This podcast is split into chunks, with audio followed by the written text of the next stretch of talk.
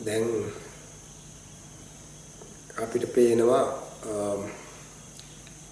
අපිට ලැබෙන තොරතුරු අනුව එක එක්කෙනා අපේ ශ්‍රාවකයෝ අහන ප්‍රශ්න අනුව අපේ රටේ මිනිසුන්ට කොච්චර බෞද්ධයෝ කිව්වත් බුදුන් වදාළ දහම මොකක්ද කියලා හරි අවබෝධයක් නැති බව කොච්චර බණ ඇහුවත් මම මේක දැක්කා මීට පෙරත් මම 2006 මේ ගැන දේශනා මාලාවක් කරා. නමුත් දැන් අවුරුදු 12ක් ගිහිල්ලා දැන් අතීතයේදී ලෝක බලන්න මිනිස්සු එච්චර නෑ උනන්දු වෙනවා අඩුයි. ඉතින් මම හිතුවා තව සැරයක් ඉගෙන කතා කරන්න. ඉතින් බුදුන් වහන්සේ වදාළ දහම හොයාගන්නවා නම් මොකක්ද තියෙන හොඳම තැන තමයි ධම්මචක්කපවත්තන සූත්‍රය. මොකද බුදුන් වහන්සේ බුද්ධත්වයට පත් වෙලා මුලින්ම කරපු දේශනාව අස්සත්තවසෝ ළඟට ගිහිල්ලා. ඉතින් ඒ දේශනාවේ කියපු දේ තමයි ඒ ඒ දේශනාව තමයි අවුරුදු 45ක්ම බුදුන් වහන්සේ විවිධ පුජ්‍යලයන්ට විවිධ අවස්ථාවලදී කිය කිය ගියේ. ඔය සූත්‍ර පිටකේ සූත්‍ර 18000ක් විතර තියෙනවා කියන ඒවා හැදිලා තියෙන්නේ ඒ ක්‍රමයක තමයි. ඉතින් අපි මතක තියාගන්න ඕන සූත්‍ර 18000 අපි ඉගෙන ගන්න ඕනේ නෑ. වෙනම අභිධර්ම ඉගෙන ගන්න ඊළඟට අටුවාව කියවන්න මේ එහෙම වුණා වෙන්නේ නෑ සාමාන්‍ය ජනතාවට බුදුන් වහන්සේ වදාළ දර්ශනේ දහම බුදුන් වහන්සේ දේශනා කරේ මොකක්ද කියලා දැනගන්න තියෙන හොඳම තැන තමයි ධම්මචක්කපවත්තන සූත්‍රය. ඉතින් ඒ සූත්‍රෙම තමයි ඊට පස්සේ දිගින් දිගට එක එක විදිහට එක එක කරන්න කිව්වේ. ඉතින් ධම්මචක්ක සූත්‍රය ටිකක් කෙටියෙන් කරලා තියෙන දේශන මට පේන විදිහට ඒක තව ඉස්සරහට යන කෙනෙකුට විස්තරාත්මකව බලා ගන්න පුළුවන්. සත්‍යගංග වගේ සූත්‍රයක් බැලුවහම ඉතින් මේ අපි බලමු ධම්මචක්ක සූත්‍රයේ පස්සක තවසන්ට කොහොමද මේ දේශනාව කරේ කියලා. දැන් පස්සක තවස කියලා කියන්නේ විමුක්තිය හොයාගෙන ගිය පිරිසක්. දැන් පස්වක තවුසුනුත් බුදුන් වහන්සේත් ඒ වගේ තවුසන් මේ කාලේ ඒගොල්ලෝ ගියේ මේ තවත් ආගමක් හොයන්න නම් නෙමෙයි. ආගම් ඇති වෙන්න එදා ಭಾರತೀಯ සමාජයේ තිබුණා. නමුත් ඒ ආගම් වලින් මේගොල්ලන්ට විමුක්තියක් ලැබුණේ නැහැ. ඉතින් ඒගොල්ලෝ කල්පනා කරා එතනින් එහා ගිය දෙයක් තියෙනවද? මහලු වෙන්නේ නැති නැතුව ඉන්න පුළුවන් ක්‍රමයක්, ලෙඩ වෙන්නේ නැතුව ඉන්න පුළුවන් ක්‍රමයක්, මැරෙන්නේ නැතුව ඉන්න පුළුවන් ක්‍රමයක්. ඒ වගේ මේ ක්‍රමයක් ඇද්ද කියලා හොයන්න අර ආගම් අභිභාගීය බුද්ධිමත් පිරිසක් උත්සාහ කරා. ඉතින් ඒ ගොඩේ තමයි පස්සක තවුස ඉන්නේ. ඉතින් ඒ ගොඩේම තමයි ඒ වගේම කෙනෙක් තමයි සිද්ධාර්ථ ගෞතම කියන තරුණයා ගියේ ඒක හොයාගෙන. ඉතින් මේ දැන් දැන් ඒ අයට තමයි බුදුන් වහන්සේ මේ ධහම දැන් මොකද බුදු බුද්ධත්වයට පත් වෙන්න ඉස්සෙල්ලා බුදුන් වහන්සේත් එක්ක බොහෝ කාලයක් පස්සක තවුස හිටියා. ඊට පස්සේ ඒගොල්ලෝ අත්හැරලා ගිහිල්ලා තමයි මේ තනියම මේ මාර්ගය හොයාගත්තේ. ඉතින් ඊට පස්සේ ඇවිල්ලා බුදුන් වහන්සේ මේ පස්වක තවුස තෝරගෙන ඒගොල්ලන් කිව්වා මෙන්න මේක තමයි මට හම්බුණා මාර්ගය. මේක තමයි පිළිපදින්න ඕනේ. මේක පිළිපැද්දාම අපිට ඔය බලාපොරොත්තු වෙන මුක්තියට යන්න පුළුවන් කියලා. ඉතින් මම බුදුන් වහන්සේගේ වචනෙම සූත්‍රය අරන් නෙවෙයි මම මගේ වචන වලින් කියන්නේ. ඉතින් දැන් ඒ වගේ විමුක්තිය හොයාගෙන යන පිරිසක් කළ යුතු අත්හල යුතු අන්ත දෙකක් බුදුහාමුදුරු දේශනා කරන මුලින්ම පසක තවසන්න. මේවා අන්ත හැටියට සැලකන්නේ. දැන් ලෝකෙ මිනිස්සු යන්නේ කාමයන් පසුපස. ඇස පිනවීම, කන පිනවීම, නාසය පිනවීම, දිව පිනවීම, ශරීරය පිනවීම සහ මනසට සිතුවිලි වශයෙන් මේ ඉන්ද්‍රිය පිනවීම තමයි මිනිසුන්ගේ ජීවිතය කියලා කියන්නේ. ඇසින් රූප දැකලා ප්‍රිය රූප දැකලා ඇස පිනවන, කනින් ප්‍රිය ශබ්ද අහලා කන පිනවන, නාසයෙන් ප්‍රිය ගන්ධයන් ආග්‍රහණය කළා නාසය පිනවන, දිවට ප්‍රිය රසයන් ලබා දීලා දිව පිනවන, කයට පහස ලබා දෙන කය පිනවන. ඉතින් සිතුවිලි වශයෙන් නම කරගෙන යනවා. ඉතින් මේක බොහොම ආශාදජනකයි. මේකනේ මිනිස්සු මේ ලෝකේ මේවත් කැලීගෙන කැලීගෙන මේ ලෝකේ යන කොටාගෙන යුද්ධ කරගෙන මරාගෙන මේ යන්නේ මේ කාමයන් පසුපස. කාමයන් ලබා ගන්න තමයි ඔක්කොලම දඟලන්නේ. ඒක තමයි සැප විඳිනවා කියලා මිනිස්සු කරන්නේ ඉන්ද්‍රිය පිනවන එක හැම මොහොතකම. ඉතින් ඒක දැන් උපරිමයේ කරපු කෙනෙක් සිද්ධාර්ථ ගෞතම කියන්නේ මාලිගා තුනක් තිබ්බා යශෝදරාව. එතකොට අන්තఃපුරයක් තිබුණා බව කියවෙන යශෝමේ බෝධිරාජ කුමාරයාට කියන කතාවෙන් රටවැසියා උතුම්න හිමි සමහර තැනක තියෙන බුදුන් වහන්සේ ඒ වෙලාවට ඒ වෙනකොටත් රජ වෙලා හිටියේ කියලා රජකම ලැබුණා කියලා. කොහොම වුණත් මේ හොඳටම කම්සප්ප විඳමු කෙනෙක්. නමුත් ඉතින් කම්සප්ප ඉඳලා යාට ලැබුණ දෙයක් නැහැ නේ. විමුක්තියක් ලැබුණේ නැහැ. ජරා මරණ වලින් ගැලවුන්නේ නැහැ. මහලු වෙන එක, ලෙඩ වෙන එක, කැමති දේන වල බෙන එක. අකමැති දේ ලැබෙන එක ඒ වගේ ප්‍රියයන්ගෙන් වෙන වෙන වෙන එක අප්‍රියයන් හා එකතු වෙන්න සිදු වෙන මම දුක බව දැක්ක ලෝකේ කවුරුත් දැනගෙන හිටියා නමුත් ලැබුණ දෙයක් නෑ බුදුනාස් මේක හොයාගෙන ගියේ ඒ නිසා. ඉතින් බුදුහාමුදුරුවෝ මේ අන්තය අතහරින්න ඕනේ කියලා. මොකක්ද ඒක හැඳින්වුවේ ඒ කම්සප විඳින එකට කිව්වා කාමසොකල්ලිකාන යෝගී කියලා. දැන් බුදුහාමුදුරුවෝ ධම්මචක්ක සූත්‍රයේ කාමයන් හඳුන්වන බොහොම ලස්සන විදිහකට.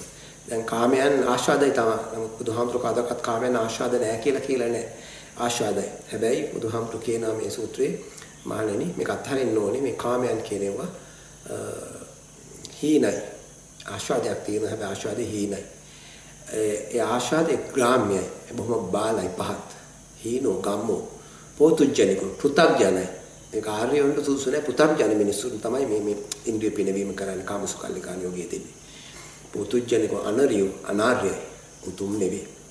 ඊළඟට අනර්ථ සංහිතෝ අනර්ථයේ පිණිසයි. කම්සප් විදලා යහපතක් නෙවෙයි අනර්ථයේ පිණිසයි යන්නේ. ඒතර බාහන දැන් පැහැදිලිවම කාමයන් හඳුන්වන හීනෝ ගම්මෝ පෝතුජ්ජනිකෝ අනරියෝ අනර්ථ සංහිතෝ ආස්වාද තමයි නමුත් හීනයි ආස්වාදයේ ග්‍රාම්‍යයි ඒ වගේම පෘථග්ජනයි අනාර්යයි අනාර්ථයේ පිණිසයි. දැන් වචන පහක් පාවිච්චි කරනවා. ඉතින් දැන් මේක හොතර තේරුම් ගන්න. අද බණ කියනකොට අපි අහන ලැබෙනවා මේ කම්සප විඳින ගමන් gedari ඉන්න ගමන් මේ නිවන් දකින්න යනවා. එහෙම නැත්නම් මාර්ගය වඩන්න පුළුවන් කියලා කියනවා. සමහර අය gedari ඉඳන් සෝවාන් වෙන්න පුළුවන් රහත් වෙන්න පුළුවන් කියලා. ඉතින් ඔයකුත් ආකල්ප දක්වනවා මිනිස්සු පෙරට අපිටලා ඉන්නවා හැබැයි අපි බලන්න ඕනේ එක එක්කෙනා කියන කතන්දර නෙවෙයි බුදුන් වහන්සේ මේක කිව්වද? මොකද්ද උන්වහන්සේ කියලා තියෙන්නේ. එතකොට දැන් පැහැදිලිව පේනවා මේ පස්සක දවසලකට ගිහිල්ලා පැහැදිලිවම කියනවා මේක අත්හල යුතු අන්තයක් මේ ඉන්ද්‍රිය පිනවීමෙන් මුක්තිය ලබන්න බෑ. ඒකේ තියෙන දුර්ගුණ ටිකත් කර්ම පහකින් හේනෝ ගම්මෝ ඕතුජ්ජනිකෝ අනරියෝ අනත් සංහිතෝ කියලා කිව්වා. පැහැදිලි නේද? එතකොට දැන් බුදුහාමුදුරේ ඒ නිසා තමයි බුදුහාමුදුර කතා කරලා යන්නේ කියලා. දැන් පස්සේ මම තේරුම් ගන්නේ. ඊට පස්සේ බුදුහාමුදුරු තව එකක් කියනවා ඒකේ අනිත් පැත්ත ඊළඟන්තේ. දැන් මිනිස්සු ඒ කාලේ තවුසු පස්වක තවුසු වෙනත් තවුසු. ආලාර කාලාවල මත උද්ද කාලාවල පවා ඒගොල්ලෝ විමුක්තිය කියලා හොයාගෙන ගිහලා අර කාමයන්ගෙන් වෙන්නවා. ඒගොල්ලෝ යන්නේ කෙලින්ම කාම ලෝකෙන් අයින් වෙනවා. අන් අයගේ ඇසුරෙන් කම්සප විදීමෙන් ඇස පිනවන එකෙන් කන පිනවන එකෙන් දිව පිනවන එකෙන් ශරීරය පිනවන එකෙන් අයින් වෙනවා. අයින් වෙලා ගිහිල්ලා මේගොල්ලෝ මොකද කරේ? ශරීරයට එතනින් එහා ගිය විදිහට දුක් දෙන්න පටන් ගත්තා. එක එක වෘත සමාදන් වුණා. හරක් වගේ, බල්ලෝ වගේ, එළුව වගේ හැසිරෙන්න පටන් ගත්තා. ඊට වඩා තව තව ඒවත් සීතලේ ගැහි ගැහි එලිමහනේ හිටියා. ගිනි ගොඩවල් මැදට වෙලා ගිනි යවුවේ මගේ එක එක දේවල් කරා මේ ඒගොල්ලෝ හිතුවා මේ ශරීරයට දුක් දීලා මේ පව් ගෙවලා විඳෝල ඉවර වෙලා මේකේ විමුක්තිය ලබන්න පුළුවන් කියලා. මොකද ඒගොල්ලෝ දැනගෙන හිටියේ එච්චරයි. එහෙම දැනගෙන හිටියා කියලා කියන්නේ ඒගොල්ලෝ උත්සාහ කළා බැලුවා එහෙම පුළුවන්ද කියලා. ඒතර එදා ಭಾರತೀಯ සමාජයේ විමුක්තිය සඳහා තිබුණ ඔය ඔය දෙක තමයි දෙකම අන්ත දෙකක්. කාමයන් පසුපස යෑම, කාමසුකල්ලිකාණ යෝගය අනිත් පැත්තේ අත්තකිලමතාණ යෝගය කියලා කිව්වේ මේ ශරීරයට දුක් දීම. හැබැයි ඉතින් බුදුහාමුදුරේ දුක් දීමත් විස්තර කරන වචන තුනක් හැබැයි එතෙන්ද කියන්නේ කාමසුකල්ලිකාණ යෝගය වගේ වචන පහක් කියන්නේ. මොකද්ද කියන්නේ මේ කාමය මේ අත්තකිලමතාණ යෝගේ දුකයි. ඉතින් දුක් දීම දුකයිනේ. දුකයි. එතකොට දුක්ඛෝ ඊළඟට අනරියෝ හැබැයි දුක් දීම ආර්ය නෑ උතුම් නෑ. අනත්ත් සංහිතෝ. අර වගේම අනර්ථයේ පිණිස යහපත පිණිස හේතු වෙන්නේ නෑ. එක එක වෘත ශීල සමාදන් වල ඒ දුක් දෙන වැඩ කරා කියලා විමුක්තිය ලැබෙන්නේ නෑ. ඉතින් ඒවා අනර්ථයේ පිණිස හේතු වෙනවා. දුකයි ඒක ආර්ය නෙවෙයි කියලා කිව්වා. දැන් පැහැදිලිද එතකොට බුදුහාමුදුරු පැහැදිලිවම එතකොට අත්හලියතු අන්ත දෙකක් අපිට කියලා දුන්නා මුලින්ම නිවන් මාර්ගට යන කෙනෙකුට කාමසුකල්ලිකානියෝගේ ඒකාන්තයක් අත්තකිලමතානියෝගේ ඒකාන්තයක්. දැන් පැහැදිලි නේද? එතකොට කවුරු මොනවත් කිව්වත් අපිට මේ මේ විදිහට කාමයන් ගෙදක නිවන් දකින්න බෑ. එතකොට මේ ශරීර දුක් දීලා නිවන් දකින්න විමුක්තිය ලබන්නත් බෑ. දැන් සමහරු මේ දුක් දෙන්න එපා කියප එක අල්ලගෙන ඉන්නවා මේ වනගත වෙන්න ඕනේ නෑ, භාවනා කරන්න ඕනේ නෑ. ඒවා බුදුහාමුදුරු අත්හල යුතු දෙයක් කියලා කියන පිරිසකුත් ඉන්නවා. ඒවට රැවටෙන්න එපා. මේ දේශනීය තුටි කහනකොට තේරෙයි බුදුහාමුදුරු මොකද්ද කිව්වේ කියලා. නමුත් පැහැදිලිව මේ සූත්‍රය කියනකොට අරගෙන බලන්න පුළුවන් මේ සූත්‍රයේ සූත්‍ර පිටකේ තියෙනවා. පසුකතවසන්නේ කිව්වා මේ අන්ත දෙක අතහරින්න. කාමසුකල්ලිකානියෝගේ සහ අත්තකිලමතානියෝගේ. ඊට පස්සේ මොකද කරන්නේ? දැන් මේ දෙක අතර නිකන් හිටිය කියලා හරියනවද? නෑ. තව පිළිවෙතක් තියෙනවා කරන්න දෙකක්. ඊට පස්සේ බුදුහාමුදුරුවෝ ඒ ඒ ප්‍රතිපදාවක් කළ යුතු වැඩසටහනක් ප්‍රකාශ කළා. ඒක හැඳින්නුවා මධ්‍යම ප්‍රතිපදාව කියලා. මජ්ක්‍ධිමා පටිපදා. මොකද හේතුව අර අන්ත දෙකට නොවැටෙන හින්දා. ඒක කාමසුකල්ලිකාණි වගේට වැටෙන්නෙත් නෑ. අත්ත කියලා මත අනිමකට වැටෙන්නේ නැහැ. ඒක නිසා යා බුදුන් වහන්සේ ඒ ප්‍රතිපදාව නම් කරා මජ්ක්‍ධිම ප්‍රතිපදාව කියලා. මධ්‍යම ප්‍රතිපදාව කියලා. එතකොට මේ මධ්‍යම ප්‍රතිපදාව අංග 8කින් යුක්තයි. ඒකේ පළවෙනි අංගය තමයි සම්මාදිට්ඨි. ඉතින් ඊළඟට සම්මා සංකප්ප. සම්මා වාචා, සම්මා කම්මන්ත, සම්මා ආජීව, සම්මා වායාම, සම්මා සති, සම්මා සමාධි. කියලා අංග 8කින් යුක්ත ක්‍රියාමාර්ගයක් ක්‍රියාපිළිවෙතක් අපිට පැහැදිලිව කියලා දෙනවා බුදුන් වහන්සේ ධම්මචක්ක සූත්‍රයේ. මෙන්න මේක තමයි පිළිපැදිය යුතු මාර්ගය. මේක හැදෙන්නවා අර අන්ත දෙකටම වැටෙන්න මධ්‍යම ප්‍රතිපදාව කියලා. එතකොට මේක වැඩුවාම මේ මාර්ගය කරපුවාම බුදුන් වහන්සේට ලැබුණ දෙයක් අවබෝධයක් විශේෂ ඥානයක් පහළ වුණා. මොනවද උනේ? මේ ආරෂ්ඨාංග මාර්ගයේ වැඩනේ වැඩපුවාම මොකද වෙන්නේ? බුදුහාමුදුරු කියනවා මේක වැඩනකොට චක්කුකරණී ඇස පහළ වෙනවා. දැන් ඇස පහළ වෙනවා කියන්නේ මේ අපේ තියෙන මේ ඇස් දෙක නෙමෙයි. මාංශ මය ඇස් නෙමෙයි. ඊට එහා ගිය දහම් ඇස පහළ වෙනවා. ඒක චක්කුකරණී කිව්වේ. ඊළඟට ඥානකරණී. ඒක පහළ වුණාට පස්සේ ඥානෙ පහළ වෙනවා. ඊළඟට උපසමාය චක්කුකරණී ඥානකරණී උපසමාය ඊළඟට උපසමාය කියලා කියන්නේ දැන් දහම්මැස පහළ වුණාම දහම්මැස කියන එකෙන් අදහස් කරන්නේ ඇතිවීම නැතිවීම දකින. පංච උපාදානස්කන්ධයේ ඇතිවීම නැතිවීම. ඇස සහ වර්ණ ස්පර්ශ වීම නිසා චක්කු විඥානය හට ගන්නවා. ඇස නොතිබුණා නම් වර්ණ නොතිබුණා නම් මේ දෙක ස්පර්ශ නොවුණා නම් චක්කු විඥානය හටගන්නේ නැහැ. ඒතර චක්කු විඥානය කියලා කියන්නේ හේතුක ඵලයක්. මොකද හේතුව ඇසත් වර්ණ ස්පර්ශ වීම නිසායි මේක හටගත්තේ. ඒ වගේම කනත් ශබ්දත් ස්පර්ශ වීම නිසා සෝත විඥානය හටගන්නවා. නාසයත් ගන්ධයත් ගන්ධයනුත් ස්පර්ශ වීම නිසා එතන ගාන විඥානය හටගන්නවා. දිවත් රසයනුත් ස්පර්ශ වීම නිසා ජීවහා විඥානය හටගන්නවා. කායසත් ස්පර්ශයනුත් පහසත් නිසා කාය විඥානය හටගන්නවා. මනසට සිතුවිලි සිතුවිලි පහළ වීම නිසා මොකක්ද පට හැටගන්නේ මනෝ විඥානය. එතකොට මෙන්න මේ විදිහට මේ විඥාන හය මේ මේ ආයතන හය විඥානය හට ගැනීම තමයි වෙන්නේ. ඉතින් දැන් මේක අපි දන්නේ නැහැ මේක වේගෙන් සිදු වෙනවා. අපි ඉතින් මේක අල්ලගෙන මම මගේ කියලා අල්ලගෙන හිටියද බුදුහාමුදුරු කියනවා නෑ මේ මේ මාර්ගයේ මේ බුදුන් වහන්සේ කියන මාර්ගයේ වඩනකොට ධම්මස පහළ වෙනවා. චක්කු කාරණී කිව්වේ ඒකයි. එතකොට මේ හේතු නිසා මේ ආයතන ආධ්‍යාත්මික ආයතන ඒ කියන්නේ ඇස කන නාසය දිව ශරීරයේ මනස කියන ආයතන වලට වර්ණ ඊළඟට ශබ්ද ඊළඟට ආග්‍රහණේ රස ස්පර්ශය ලැබෙනකොට ඒව ස්පර්ශ වුණාම මේ විඥානය හට ගන්නවා.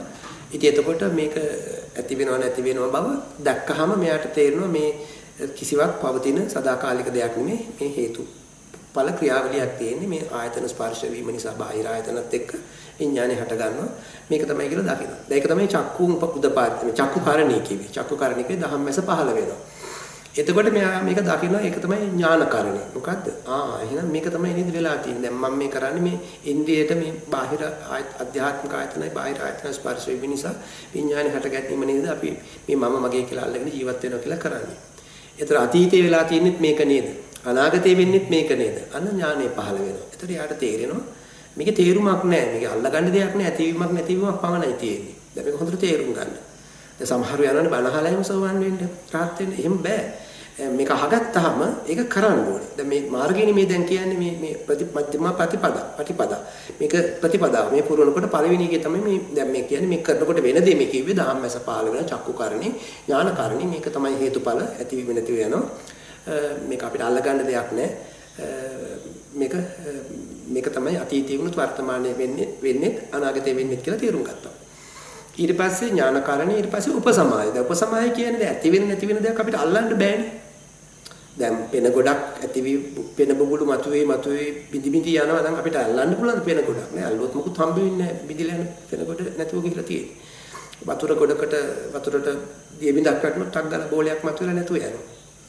මිරිඟුව ජලය වගේ පේනවා. කවදාකවත් අපිට ජලය නැහැ අරටු හොයාගෙන යන කෙනෙක් කෙසෙල් ගහක් වතුර ගැලෙව්වා කියලා කවදාකවත් අරටුවක් ලැබෙන්නේ නැහැ විඥානේ කවදාකවත් අල්ලන්න බෑ මැජික් කාර්යෝ ගැසේ හට ගන්නවා නාසය හට ගන්නවා දිවේ හට ගන්නවා කයේ මේ කයේ මනසේ හට ගැනීමෙන් ආයතන හය මැජික් කාර්යයක් වගේ අපිට මැජික් වෙන්න බෙන්න ඉන්න විඥානේ තැන් තැන් වල හට ගැනීම.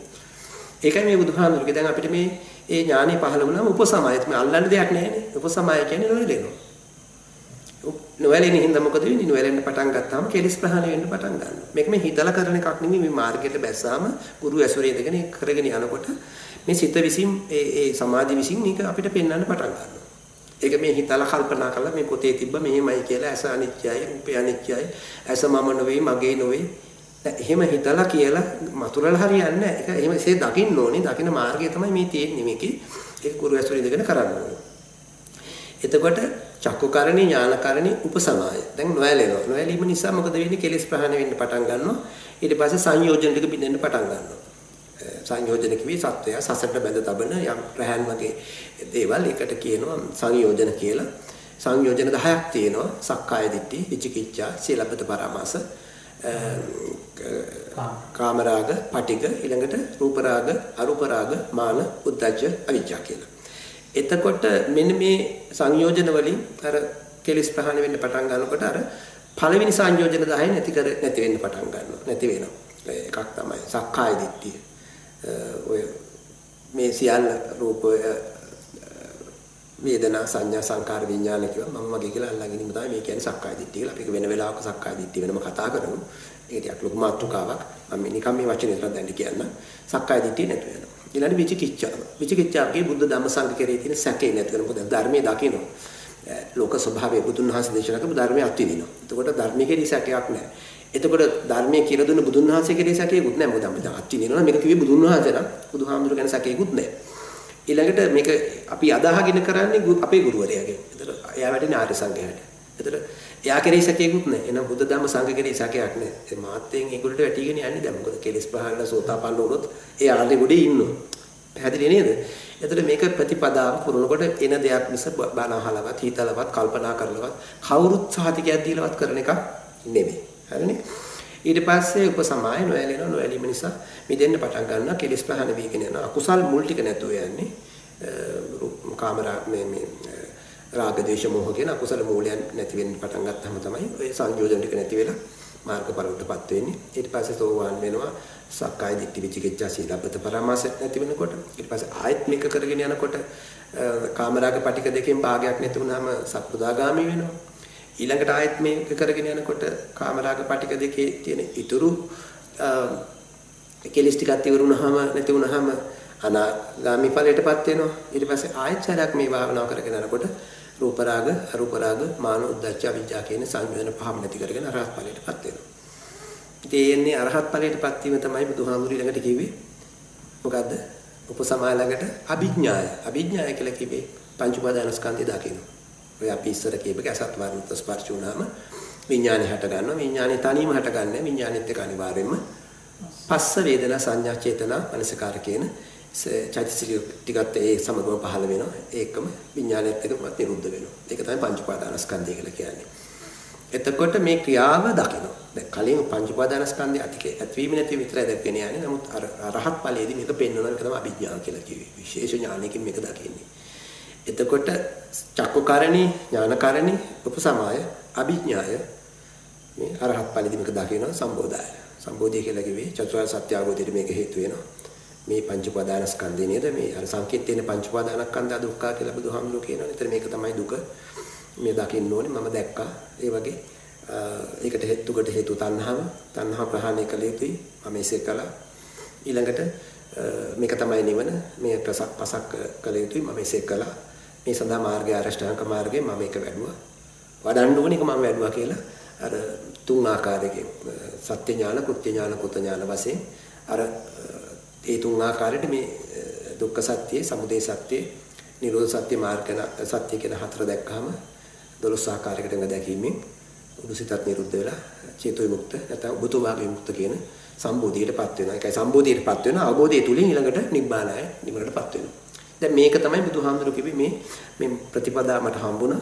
අර අන්ත දෙක අතහරිනවා. කාමසුකල්ලිකාණ යෝගෙත් අතහරිනවා. අත්ත කියලා මතාණ යෝගෙත් අතහැරලා මධ්‍යම ප්‍රතිපදාව කියන අරෂ්ඨාංග මාර්ගේ වඩනකොට මට මෙන්න මේක ඔයාලට පස්සක තවසන්නේ කියන චක්කුකරණේ ඥානකරණේ උපසමාය අභිඥාය සම්බෝධාය නිබ්බානාය කියලා කියනවා මම මේ වැඩේ දැන් කරගෙන ගියා මේ විදිහට අරෂ්ඨාංග මාර්ගයේ වැඩුවාම මට පෙර සුවිරු ධර්මය අවබෝධ වෙන්න පටන් ගත්තා මේ දුක බවත් දැනෙන්න පටන් ගත්තා දුකට හේතුව තණ්හාව බවත් දැන් දුක කියන තැන බුදුහාමුදුරුවෝ කියන මොකද්ද මේ දුක? ජාතිපි දුක්ඛ, ජරාපි දුක්ඛ, මරණපි දුක්ඛ කියලා. ඉපදීම දුකයි, ජරාව දුකයි, මරණයටපත් වෙන එක දුකයි, ප්‍රියයන් ගෙන් වෙන වෙන එක දුකයි, අප්‍රියයන් හා එකතු වෙන එක දුකයි.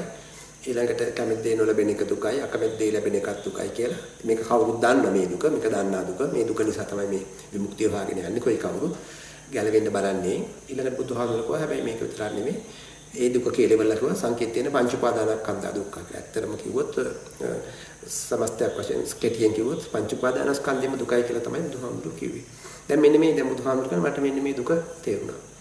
ඊට පස්සේ පෙරණුවරු ධම්මස පහළ මට මේක අවබෝධ වුණා. ඊට පස්සේ මේකට හේතුව තණ්හාව. ඒතර තණ්හාව කියන තැන කාම තණ්හා, භව තණ්හා, විභව තණ්හා කියලා බුදුහාමුදුරුවෝ විස්තර කරනවා. එතකොට මේ තණ්හාව මේකට හේතුව තණ්හාව මෙන්න මේ තණ්හා තුන කියලා තේරුම් ගන්නවා. කාම තණ්හා කිව්වේ ඉන්ද්‍රිය පිනවන්න තියෙන ආසාව. භව තණ්හා කිව්වේ අලිතලි ඉපදෙන්න තියෙන ආශාව. විභව තණ්හා කිව්වේ මිදෙන්න තියෙන ආසාව. මේ ගැලවිලා විමුක්තිය සඳහා කියලා වෙනත් දේවල් ලබාගෙන එතන ඒක කිව්වා. ඊට පස්සේ දැන් මෙහෙම කිව්ව තණ්හාව තේරු තේරෙන්න පටන් ගත්තා. දුකට හේතුව.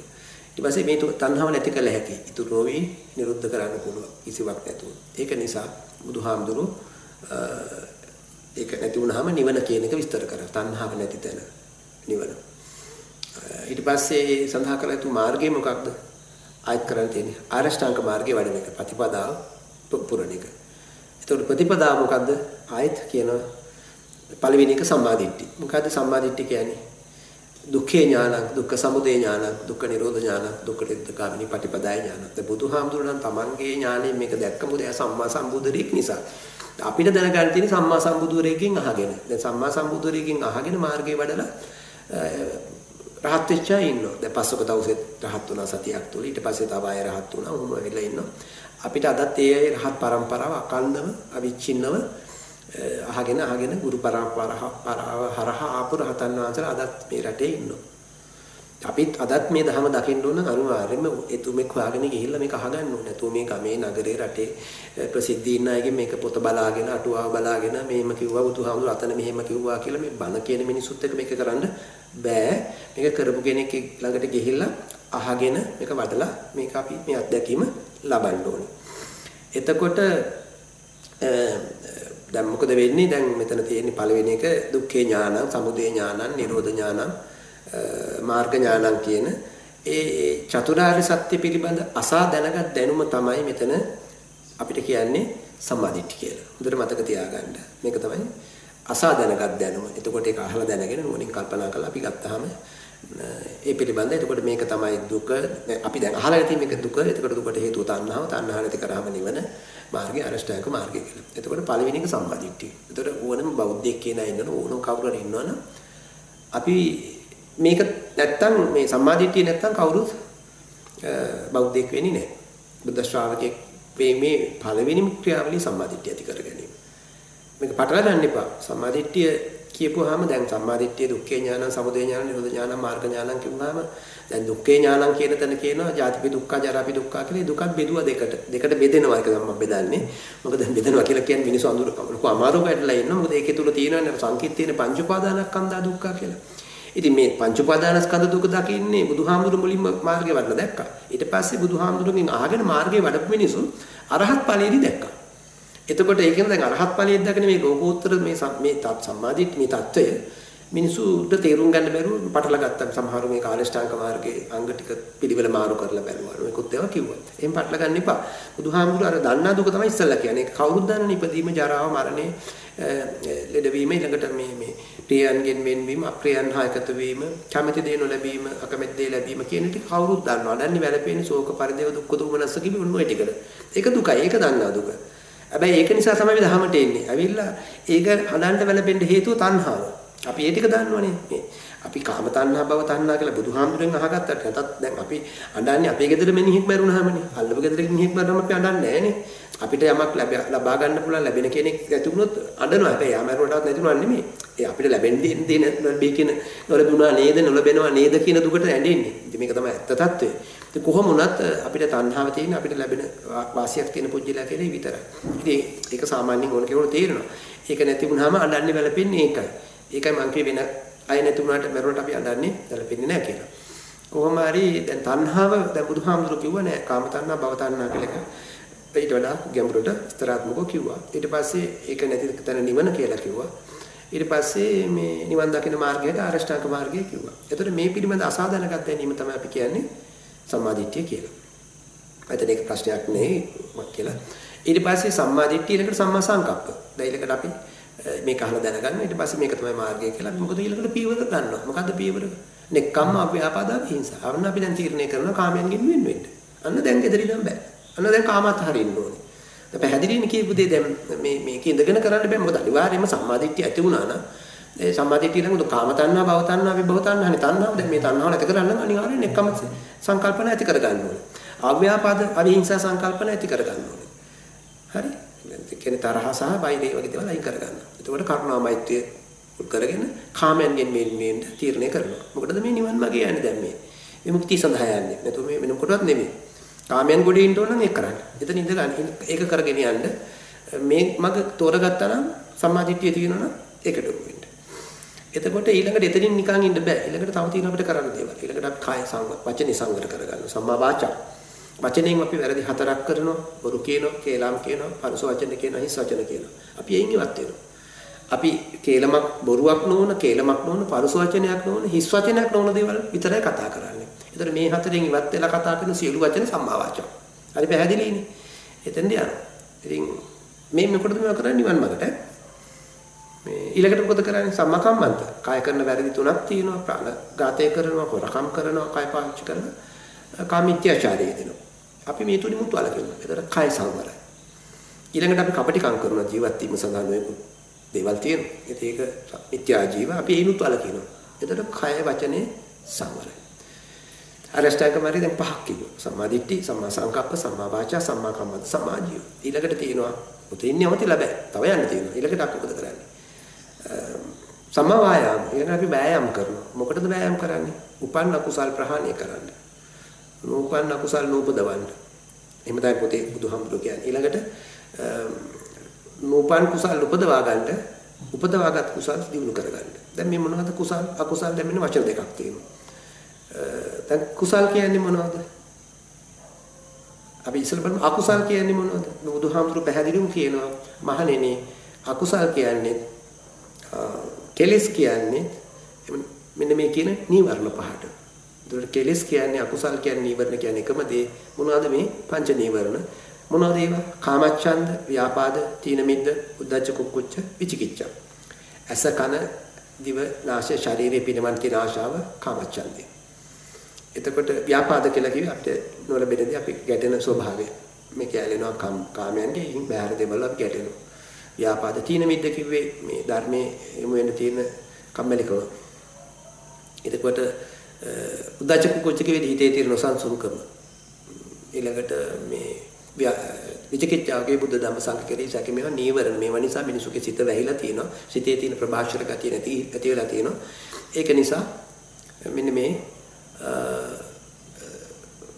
ඇත්ත නොපෙනී ගිහින් තියෙනවා කියන එකයි බුදුහාමුදුරුවෝ එතන කිව්වේ.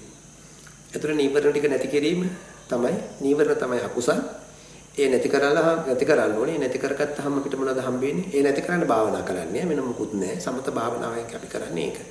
ඒක කරාම නීවරණ ටික නැති වෙලා ප්‍රභාෂර සිත පහළ වෙනවා. පහළ වුණාම මොකද වෙන්නේ? ප්‍රභාෂර සිතේ පළවෙනි අධියර තමයි ප්‍රථම ධානය. ඒකේ තියෙන විතක්ක ਵਿਚාර ප්‍රීති සුඛ ඒකාග්‍රතාව කියන ධානාංග ඒ විතක් ਵਿਚාර ප්‍රබලයි ප්‍රථම ධානයටපත් වෙනවා. තව භාවනා කරන් යනකොට විතක් ਵਿਚාර ඉවත් වෙලා ප්‍රීති සුඛ ඒකාග්‍රතාව සහිත ဒုတိ ය ධානයටපත් වෙනවා. තවත් ඉදිරියට භාවනා කරගෙන යනකොට ප්‍රීතිය ඉවත් වෙලා සුඛ ඒකාග්‍රතාව සහිත තුන්වෙනි ධානයට යනවා. ප්‍රීතියත් අතහැර යාම සුඛයත් අතහැර යාම හතරවෙනි ධානයටපත් වෙනවා. ඒක පිරිසුදු අපේක්ෂාව. ඒතර මෙන්න මේක තමයි මේ සමා වායාම කියන්නේ. එතන නිකන් ඉන්න ඊට පස්සේ අපි වීර්ය කරනවා. සම්මා සති. සම්මා සති කියලා කිව්වේ සතර සතිපට්ඨානේ සිහිය පිටියන. සමහර විටන මේ හැමදේම සිහියෙන් කරාම හරි. හිත යන්න දැරලා බලන් හිටියාම හරි. මෙහෙම එහෙම කරන්න පුළුවන් නම් හරි හොඳයි. මං හිතන්නේ එච්චර ලේසි නෑ. එහෙම කරන්න පුළුවන් නම් ඔය කියන දැන් මේ රටේ ඉන්න ඔක්කොම රහතන් වහන්සේලා. මොකද සිහිය නැති මිනිස්සු නෑනේ. මොකද සිහිය තියෙන්න ඕනේ. ඒ දැන් මිනිසුන්ට තියෙන සිහිය ඉතින් කාම සිහිය. ඈ වෙන වෙන සිහියකින් ඉන්නේ. එහෙම බෑ සතර සතිපට්ඨානසේ කය පිළිබඳ සිහියෙන් ඉන්න ඕනේ. වේදනාව පිළිබඳ සිහියෙන් ඉන්නවා. සිත පිළිබඳ සිහියෙන් ඉන්නවා. සිතුවිලි පිළිබඳව ඊළඟට ධම්ම සිතුවිලි පිළිබඳව සිහියෙන් ඉන්නවා. ඉතින් මේ හතර පිළිබඳ සිහියෙන් හිටියහම තමයි අපි මේ අනිච්ච ඒ අනාත්ම ඒ ටික දකින්නේ. ඇති වෙන්නේ නැතිව දකින්නේ.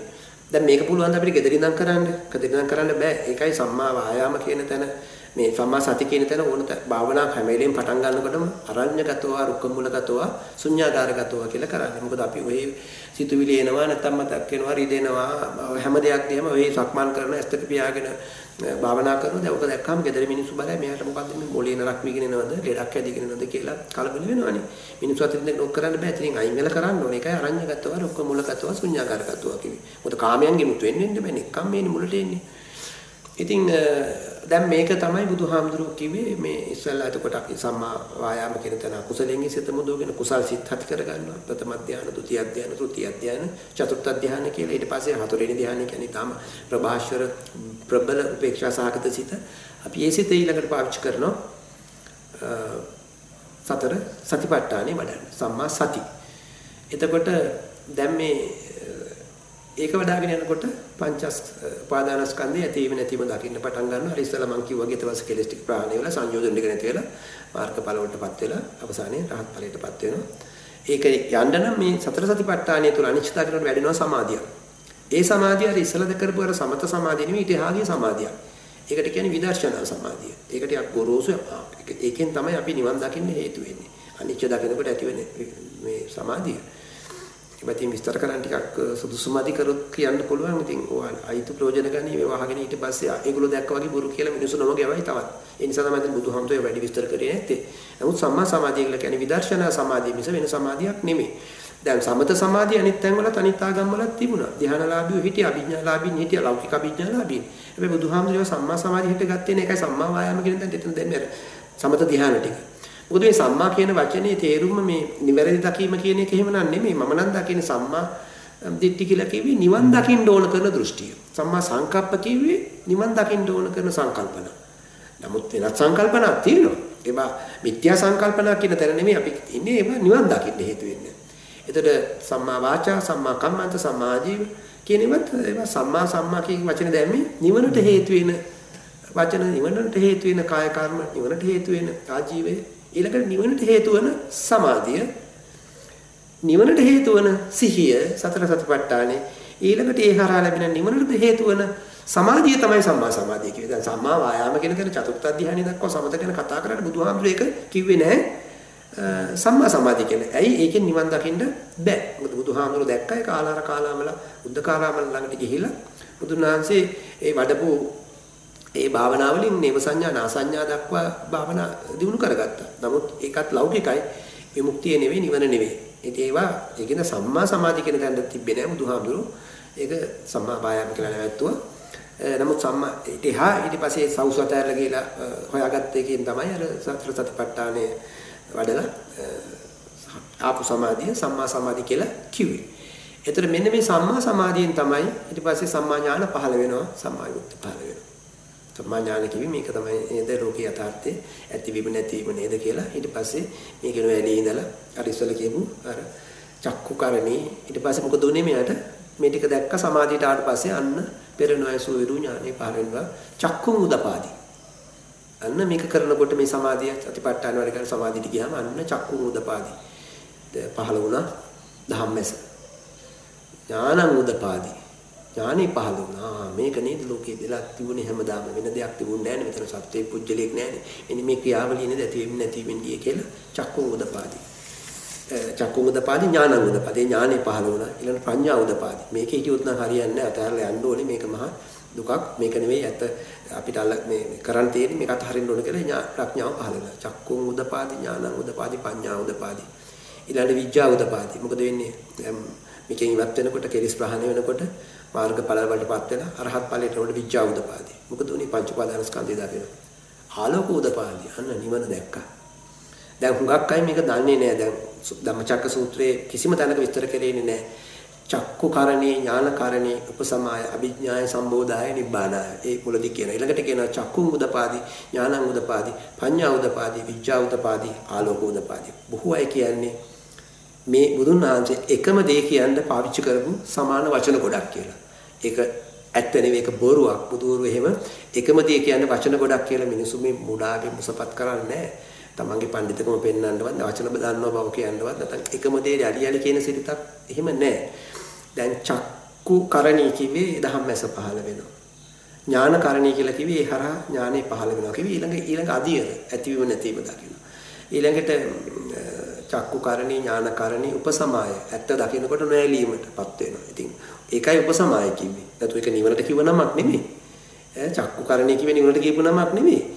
ඥාන කරණී කිව්වේ උපසමාය කිව්වේ අභිඥාය සම්බෝධාය ඒ ඔක්කොම අවසානයේදී යන ප්‍රතිපලයේ ඒ ඒ පියවරෙන් පියවර ඒ නිවන් මගේ පියවර ටික කියන්නේ සම්මා සමාධිය කොහොමද යන්නේ අර විදිහටයි යන්නේ චක්කු කරණී ඥාන කරණී උපසමාය අභිඥාය සම්බෝධාය නිබ්බානාය වැඩුවට පස්සේ බුදුහාමුදුරුවෝ කිය චක්කුන් උදපාදී ඥානං උදපාදී විඥා උදපාදී ආලෝක උදපාදී පැහැදිලිද එතන කියන්නේ ඒ නිවන් මගේ අවබෝධ කරගත්ත පියවර ටික දැන් මේක තමයි බුදුන් වහන්සේ දේශනා කරපු නිවන් මඟ. ඉතින් මේක තමයි අපි අවුරුදු 45ක් බුදුන් වහන්සේ දේශනා කරා කියලා සූත්‍ර වලින් කියවන්නේ. එක එක්කනට එක එක තැනින් කෑල්ල කෑල්ල කිව්ව ඒ පුජ්‍යලට තේරෙන්න ඕන. නමුත් ධම්සක් පැවතුම් සූත්‍රයේ අංග සම්පූර්ණ දේශනාව පසුපතවසන දේශනා කරේ. මේක තමයි බුද්ධ වචනේ. දැන් පැහැදිලිද මේ කියපු ටික? දැන් මේක තමයි කරන්න තියෙන්නේ. හරි ලේසි මේක මම හිතන්නේ බුදුහාමර පොඩි කාලයක් කරන් කියන්නේ අපි මේක නොසලකා හැරලා තියෙන්නේ. ඉතින් කවුරු හරි මේ බුදුදහම මොකද්ද කියලා හොයන්න යන කෙනෙක් ආරම්භ කරන්න ඕනේ මෙතනින්. මේක තමයි බුද්ධ වචනේ. ඉතින් මම උත්සාහ කරේ මේක කියලා දෙන්න මිනිස්සුන්ට මොකද මුගක් අය මේක දන්නේ නැහැ. එක එක දේවල් අල්ලගෙන ඉන්නවා. දැන් මේකේ පැහැදිලිවම පැත්තකට තියෙන ප්‍රතිපදාවක් පුරණ හැටි තියෙනවා. මාර්ගයේ තියෙනවා. හැබැයි අපිට ඕන ඕන જાති කියන්න කරන්න බෑ. gederin ධම් මේක කරන්න බෑ. මොකද දැන් පැහැදිලිව පේනවා කාමයන්ගෙන් වෙන්න ඕන. ඒක අනිවාර්යයෙන්ම කාමසුකල්ලිකාණියෝගේ. ඊළඟට දුක් දෙන්න බෑ. දැන් එතකොට ඒක අත්ත කියලා මතාන. ඒකත් අතහරින. ඒක අන්ත දෙකක් කිව්වා. එතකොට දැන් භාවනා කරන කැලියට යනක වැටෙන්නේ නැහැ එතන නේ. මොකද එතන ඊට පස්සේ එනවා අරෂ්ඨාංග මාර්ගයේ ප්‍රතිපදාව. මධ්‍යම ප්‍රතිපදාව. දැන් ඒකේ කියාගෙන කියාගෙන යනකොට භාවනාව ගැන අතින් ඊටකොට කියනවනේ අරඤ්‍යගතව, රුක්කමූලගතව, ශුඤ්ඤාකරගතව. ඒක දුක් දීමක් නෙවෙයිනේ. ඒක කාමයන්ගෙන් මෙන්නලා මාර්ගය වඩන එක. ඉතින් මේ මේ ටික මම කිව්වේ අද සමාජයේ මේ එක එක්කෙනා මේ ධර්මයේ නොදැන අර කරවලේ අත ගන්න මිනිස්සු වගේ අර ಜಾති අන්දයෝ කවදාකවත් වර්ණ දැකලා නැහැ පොතක් බලාගෙන කවුදෝ කියප එකක් අහගෙන වර්ණ ගැන කියන්නේ යනවා. තමනුත් අන්දයි ಜಾති වශයෙන් අහලා තියෙන එකක් විතරයි කවදාකවත් වර්ණ දැකලා නැහැ ආලෝකය දැකලා නැහැ. තවත් එවැනිම ಜಾති අන්දයෝ පිරිසකට ආලෝකය නොදකපු වර්ණ නොදකපු පිරිසකට මේක කියනවා. අද වෙලා තියෙන එකයි මට නම් පේන්නේ. ඒ වගේ ඉතින් දැන් මේක තේරෙන්නේ නැහැ ඉතින් හරි අමාරුයි කිව්වට බෑ අපි ගිහින්ම දකින්න ඕන අර මාළුවා වතුරේ හිටියා මාළුවා අහනවා ඉබ්බගෙන් කොහෙද ගියේ කිව්වම ඉබ්බා ගොඩ බිමට ගියා කිව්වා. ඉතින් කවදාකවත් ගොඩ බිම දැකලා නැහැ මාළුවා. ඉතින් එයා දන්න දේ තමයි අහන්නේ. ඉතින් ඒ වගේ දහම් දෙසන්න ගියාම ඒගොල්ලෝ අහලා නැති මොකද අපේ භාෂාව හැදිලා තියෙන්නේ ඉන්ද්‍රිය ගෝචර අත්දැකීම් මත. ඇසට කනට නාසයට දිවට ශරීරයට ලැබුණ ලැබෙන අරමුණු අනුව අපි අපේ අදහස් අපේ හැඟීම් තවයට ප්‍රකාශ කරන්න අපි භාෂාවක් හදාගත්තා. භාෂාවක් කියලා කියන්නේ තමයි එකිනෙකාගේ අදහස් වමාරු කරගන්න මාධ්‍යයක්. එතකොට එක එක භාෂාවල් එක එක ජන සමාජවල කොට්ටාශවල ලෝකේ තියෙනවා. ඉතින් දැන් මේ භාෂාවක් හැදිලා තියෙන හැම වෙලාවකම තමන්ගේ ඉන්ද්‍රිය ගෝචර ධර්මතා මත. එතකොට මේ ඉන්ද්‍රිය ගෝචර ධර්මතා වලින් එහා ගිය ලෝකෝත්තර ධමයක් කියන්නේ වචන නෑ ලෝකේ. දැන් බුදුහාමුදුරුවෝ තොක ලොකු අමාරු වැඩනෝ කියන්නේ කියලා. නමුත් බුදුහාමුදුරුවෝ ඒක කිව්වේ තියෙන වචන වලින්. ඉතින් අපේ මිනිස්සු ඒක මාර්ගයේ වඩලා ගුරුවරයෙක්ගෙන් අහගෙන ඒක කරලා ඒක දැකලා අත්විඳිනවා වෙනුවට වචන වලින් ලෞකික වචන වලින් ලෝකෝත්තර ධමයක් ගැන කියන්න යනවා අධ්‍යයනය කරන්න යනවා. එතකොට මේ අවුල් ජාලයටපත් වෙනවා, වැටෙනවා. ඉතින් මම දකිනවා මේක තමයි වෙලා තියෙන්නේ. ඉතින් මම ඒ නිසායි අනුකම්පා කළ මේ කතාව කිව්වේ. මම හිතන්නේ මම උත්සාහයක් දරුවා මේක යම් තරමකට කියලා දෙන්න. ඒක ඉතින් කොතෙක් සාර්ථකද කියලා මේක සවන් දෙන අය තමයි තීරණය කරන්න ඕනේ. ඉතින් මේක තමයි බුදුන් වදාළ දහම. මෙතනින් එහාට දහමක් නැහැ. මේක තමයි අවුරුදු 45ක් පුරාම වෙන වෙන ක්‍රම වලට විස්තරාත්මකව කියපු තැනුත් තියෙනවා. කෙටියෙන් කියපු තැනුත් තියෙනවා. මේ පුජ්‍යලට ගැලපෙන්නේ කියාගෙන ගියා. ඒව ඔක්කොම පොතේ ලියලා තියෙනවා. හැබැයි ඉතින් නිවන් දකින්න ඕන කෙනෙක් මේ පොතේ තියෙන ඔක්කොම කියවන්න ඕනේ නැහැ. මේ ඔක්කොම දැනගත යුතුත් නැහැ. ඔවා කියවුවා කියලා එන්න එන්න මොලේ අවුල් වෙනවා. මොකද අපිට දැන් අපි හිතමුකෝ බාහියට කිව්වා දැක්කනම් දැක්ක පමණයි, අහුවනම් අහුවා පමණයි, අග්‍රහණය කරා අග්‍රහණය කරා පමණයි කිව්වා. ඔහුගේ ඥාණයට, ඔහුගේ ප්‍රඥාවට, ඔහු හිටපු தත්ත්වයට එක ගැලපුණාට අපි ඔක්කොලාම බාහිර නෙමෙයි. ඒක මතක තියාගන්න ඕනේ. පස්වග තවුසන්නේ මේක කෙටියෙන් කියලා ඒ එදා කොණ්ඩඤ්ඤ සෝතාපන්න ඵලයටපත් වුණා ඊළඟ දවස් ටික ඉතුරු අය සෝතාපන්න වුණා හයවෙනි දවසේ එනකොට අනාත්ම ලක්ෂණේ සූත්‍ර දේශනාව ඊළඟ අනාත්තානුපස්සනාව කියව ගමන් ඔක්කොලම රහත් වුණා. ඊළඟ වස්තු මාසික වලට 69ක් රහතන් වහන්සේලා. අපිට ඒ தත්ත්වයට යන්න පුළුවන් ද බැයිද කියන එක වෙනම දෙයක්. බණ අහලා සෝවන් වෙනවා කියලා කියලා කොහොර කියන එක බොරුවක්. මොකද එහෙමනම් ඉතින් අපි උපන්දාය නම් බණ අහන්නේ. මමට මං කුසේ ඉඳන් අහන්නේ. අම්මා මෙපදෙන් ඉන්නකොට තමයි අම්මා ඇහුවේ මේ නූලක් බැඳගත්තේ ආමුරන්න කියලා. අඟුලිමාල පිරිත කියලා. මම දැන් ඇහුණාද නැද්ද කියලා. එතකොට පම් අපි හිතමුකෝ උපන්දාය ඉඳලා අපි ධර්මය අහනවනේ. අපි උදේ නිින්දෙන් නැගිටින්නේ පිරිත් අහගෙන. මරණයට මේ නිින්දට යන්නේ පිරිත් අහගෙන. එහෙනම් මේ රටේ ඉන්න මේ ඔක්කොම බෞද්ධයෝ රහතන් වහන්සේලා. මොකද බණ අහලා නම් පිරිත් අහලා නම් මේක වෙන්නේ. එහෙම වෙන්නේ නැහැ. හොඳට මතක තියාගන්න. වචන කඩ කඩ කිව්වයි කියලා. වචන වලට වෙන අර්ථකථන දුන්නා කියලා. ඒකට වචනෙකුත් දාගෙන නිරුක්ති කියලා. එහෙම එකක් නෑ මේ මාර්ගය වඩන්න. හරි සරල බුදුහාමුදුරු මේක තේරෙන භාෂාවෙන් අපිට කියලා තියෙනවා. ගුරුවරයෙක් ළඟට ගිහිල්ලා මේක කරන්න. මොකද සෝතාපන්න වෙන්න ඕනකට පළවෙනි මූලික අංග හතරක් තියෙනවා. ඒ පළවෙනි එක කල්යාණ මිත්‍රාශ්‍රය, සද්ධර්ම ශ්‍රවණි, යෝනිසෝ මනසිකාරය, ධර්මානුධර්ම ප්‍රතිපදාව කියලා කියලා තියෙනවා. අපි මේක නොකර කිටි පාරවල් හොයලා ගෙදරින් ඉඳගෙන කම්සපත් වෙන ගම මොකද කාමයන් යන්නේ එක පැත්තකට නෙක්ඛම් යන්නේ තව පැත්තකට මේ දෙක ප්‍රතිවිරුද්ධ දිශාවට යනවා මිසක් අඩු ගන්න සමාන්තරවත් යන්නේ නැහැ. ඉතින් ඒක නිසා කාමයන්ගෙන් ඉඳගෙන නෙක්ඛම් ගැන කතා කරන එක මහා විහිළුවක්. ඒක පිස්සුවක්. ඒක කරන් තියාගන්න එපා. අවංකව කරන්න පුළුවන් දෙයක් කරන්න නිකන් කාලේ නාස්ති කරන්න එපා. මොකද මේ අමාරුවෙන් දුර්ලභව ලැබිච්ච මනුෂ්‍යාත්මේ නාස්ති කරගන්න එපා. මනුෂ්‍යාත්මයක් ලැබලා තියෙනවා ධර්ම ශ්‍රවණේ සද්ධර්මය ඇහෙනවා. මේ අපිට තියෙන මාර්ගේ පිළිපැදලා එතෙන්ට යන්න යනවා නම් අවංකව ක්‍රියාවලිය යෙදෙන්න දැනගෙන ගුරුවරයෙක් ළඟට ගිහලා අහගෙන හරියට දන්න ගුරුවරයෙක්ගෙන් අහගෙන අත්දැකීම් සහිත ගුරුවරයෙක්ගෙන් අහගෙන නැත්තම් මේ කාම ලෝකෙත් යම් දේවල් තියෙනවා අපි ඉස්සරහ කතා කරමු. හැබැයි විමුක්තිය නිවන නෙවෙයි කොහොමත් කාමයන් දුකයි. ඒක දෙකක් නෑ දුක්ඛාරය සත්‍ය දුක්ඛාරය සත්‍යම තමයි. උත්සාහ කරමු වටිනා කාලයෙන් අපි ලැබිච්ච මනුෂ්‍ය ආත්මාවෙන් වැඩක් ගන්නට